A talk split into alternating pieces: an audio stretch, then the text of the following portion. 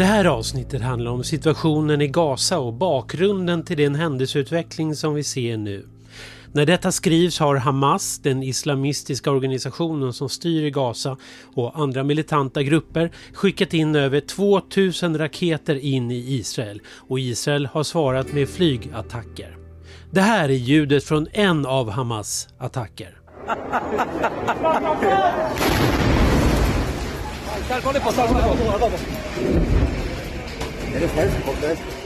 Jag heter Johan Romin och det här är Faktapodden. Jag har som journalist besökt Gaza tre gånger, 2010 och 2015 och jag har intervjuat högt uppsatta Hamas-ledare och krupit i smuggeltunnlar i södra Gaza.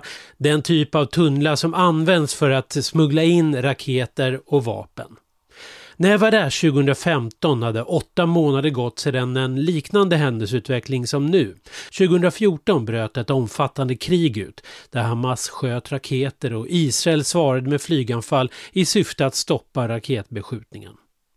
Åtskilliga hus var totalförstörda när vi kom in i området 2015 och människor försökte att rensa upp och städa bland de sönderskjutna husen.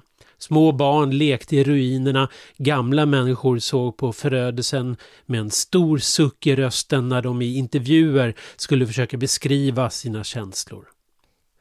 När man filmar i Gaza har man alltid 20-30 småbarn runt benen. Gaza är en av världens mest tättbefolkade områden och andelen mycket små barn är stor. Området är helt stängt. Det betyder att det är hart när omöjligt att både ta sig in eller ta sig ut. Journalister och hjälparbetare kan komma in med speciella tillstånd. Men det är omöjligt för personer som är boende i Gaza att ta sig ut om de inte har ett särskilt tillstånd för det eller att de lämnar området via smuggeltunnlar. Förstörelsen, den jag filmade 2015, var särskilt stor nära gränsen mot Israel. Här var nästan alla hus sönderskjutna och raserade. Det var här som palestinsk milis hade använt husen som skydd då de hade skjutit raketer mot Israel. Det var också här som det hade grävts attacktunnlar. Vid ett tillfälle när jag skulle filma gatubilder så såg jag ett vägarbete och riktade kameran dit. Men det skulle jag inte ha gjort, för vi blev snart stoppade av några män på motorcyklar som krävde att vi skulle följa med till ett militärt område. Jag hade tydligen av misstag råkat filma något som jag inte borde filmat på. Väl där inne satt män som tillhör Hamas militära gren, Qassambrigaderna, och de krävde att få titta på mina filmbilder från området. Till en början var stämningen pressad, men i takt med att vår fixade pratade och pratade och försökte få oss loss därifrån och att milismännen också fick se filmbilderna så sänktes den pressade stämningen. Istället ville de bjuda på dricka och berätta om deras perspektiv på den här konflikten. Efter en stund blev vi släppta och kunde fortsätta in mot Gaza City. Överallt i Gaza märker man hur militärt laddat det är. Den militära närvaron finns överallt. Det finns propagandaaffischer på nästan alla gator som visar palestinsk militär i olika positioner med antistridsvagnsvapen eller automatvapen i händerna. Eller så är det graffiti på väggarna och på murar som visar den palestinska militärens kamp. Man ser också då och då grupper av militärer som marscherar och skanderar olika kampramsor. Ofta sker det här på kvällen eller i skymningen eller tidigt på morgonen. Det konstiga är att man till slut blir van vid att eh, Hamas-soldaterna har sina ramsor och det blir som en väckarklocka vid fem, halv sex på morgonen. Men vad är bakgrunden till att det här lilla området, bara fyra mil långt och någon mil brett, ständigt blir föremålet för en väpnad konflikt som berör hela världen? Det ska Faktapodden handla om nu. Svaret är 1967. I början av juni 1967 kontrollerade Egypten Gaza. Det hade de gjort ända sedan 1948 och 1949 då Israel förhindrats att erövra området på grund av en egyptisk styrka som fanns där. 1948 kom tiotusentals flyktingar från andra delar av det som nu är Israel. Vissa av dem hade drivits iväg av israeliska soldater av olika skäl, bland annat från den del av Israel där den stora flygplatsen Ben Gurion ligger. Andra hade flytt på grund av rädsla för kriget eller på grund av en uppmaning från de egna ledarna att fly till säkrare platser. De arabiska ledarna hade 1948 talat om ett förintelsekrig mot judarna och därför ville de inte att arabiska civilister skulle hamna mitt i detta förintelsekrig. Gaza blev tillflyktsorten för tusentals flyktingar eftersom Egypten med stor framgång lyckades försvara Gazaremsan.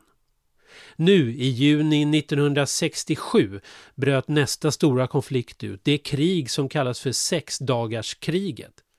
Kriget hade sin bakgrund i den egyptiske presidenten Gamal Abdel Nassers vilja att få hämnas förlusten i kriget 1956. Nasser hade skapat en allians som var riktad mot Israel och som präglades av en stark propaganda att nu var krossandet av sionismen nära. När även Jordanien gick med i alliansen och Israel därmed blev inringad av fiendeländer och när hatretoriken dessutom tilltog valde Israel att slå till först och slog ut Egyptens flygvapen på bara några timmar. Kriget varade i sex dagar, men efteråt hade Israel lyckats erövra Gazaremsan, Västbanken och hela Sinai-halvön. Det är nu som ockupationen av Västbanken och Gaza börjar. Sinaihalvön lämnade Israel tillbaka till Egypten 1979 i samband med fredsavtalet med Egypten. Men Gaza och Västbanken hade Egypten respektive Jordanien bestämt sig för att avstå. FN-resolution 242 från hösten 1967 talade om att Israel skulle lämna tillbaka områdena i utbyte mot fred och erkända och säkra gränser enligt principen om folkens självbestämmande rätt. Men resolutionen förverkligades inte. Attackerna mot Israel fortsatte och Israel började på 70-talet att bygga bosättningar både på Västbanken och i Gaza. Starka krafter i Israel började kräva att Västbanken och Gaza borde tillhöra den judiska staten. 1987 började det palestinska upproret, intifadan, där Israel svarade med hårdföra metoder. Världens tv-kameror uppmärksammade hur stenkastande ungdomar blev beskjutna av en av världens mest effektiva krigsmakter. Situationen för Israel blev ohållbar i längden och det här ledde fram till Osloavtalet 1993 och Oslo 2 1995. Nu skapades självstyren på Västbanken och i Gazaremsan. Syftet var att en fredsprocess skulle leda till en tvåstatslösning.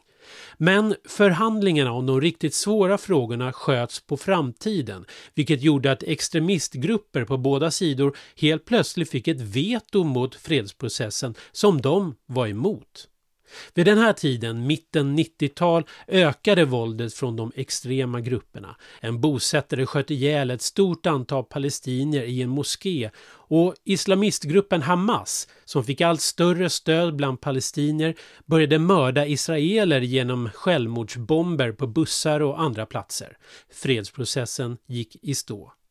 Men i mitten av 00-talet började högerledaren Ariel Sharon tala om ett ensidigt tillbakadragande från Gaza. Det vill säga att ta de israeliska bosättarna och soldaterna ut ur Gazaremsan och låta den palestinska myndigheten sköta styret av enklaven. Hösten 2005 drog sig Israel ur Gaza.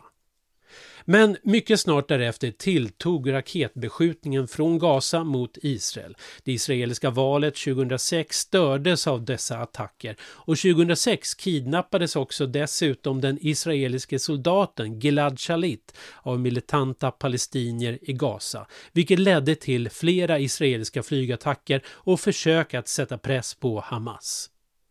I början av 2006 var det också palestinskt val som Hamas vann. Det bildades en koalitionsregering som skulle styra tillsammans med Fatah som är det palestinska parti som president Mahmoud Abbas tillhör. Sommaren 2007 tog den islamistiska gruppen Hamas över hela styret i Gaza i en kupp. Det var nu som Israel beslutade att införa en sträng varukontroll, eller om man så vill en blockad mot Gaza. Alla varor som tas in i Gaza kontrolleras av israeliska myndigheter. Men detta var inte det allvarligaste för palestinierna utan det faktum att Gazabornas export av jordbruksprodukter också stoppades. Israels motivering till det här var att de inte ville att Hamas skulle få skatteintäkter på en export till Israel. Pengar som sen skulle kunna användas till vapeninköp och väpnad kamp mot Israel. Trots blockaden av Gaza har Hamas-ledningen ändå lyckats smuggla in allt fler professionella raketer och avskjutningsramper till området. Det är det vi ser ett resultat av idag då tusentals raketer skjutits på bara några få dagar. Hur det kommer att sluta den här gången får framtiden utvisa. Men precis som de tidigare gångerna så väcker den här konflikten starka känslor världen över. Det sprids bilder och åsikter av konflikten som är så oförenliga att det knappt går att förstå att det handlar om samma konflikt. Jag kommer att komma tillbaka till det här ämnet i kommande avsnitt av Faktapodden, men som en avslutning här, lyssna till vad medieanalytikern Daniel Dor säger i mitt program Medialize, det som vi spelade in vid besöken i Israel och Gaza. För det han säger, det gäller än idag. Det handlar om hur det kommer sig att bilden och berättelsen av konflikten skiljer sig så pass mycket åt så att det blir svårt att lösa konflikten. The basic reality is that the media on each side are very, very quick to go along with what their governments say and very, very quick to go along with the general popular sentiment on the street. As long as we're stuck in a worldview that says, this is my tragedy, it's not your tragedy. I'm the victim, I'm the one who's suffering. I'm the one who's only trying to defend myself. I'm the good guy in this story. You're the bad guy. You assault, you offend, you kill, you hurt, you lie. I tell the truth. As long as we're in this kind of situation, the possibility of dialogue is simply not there. If I want to spend time really trying to understand what's going on, read some books, read a history of the conflict from a Palestinian point of view, read the history of the conflict from the Israeli point of view. Try to compare them, try to understand what the sensitivities are. Ni har lyssnat till Faktapodden och mig Johan Romin. Lyssna gärna till övriga avsnitt och håll utkik för nästa avsnitt för det kommer handla om kriget 1948-1949, självständighetskriget som Israel säger och Nakba som palestinier säger. På återseende. Hej då!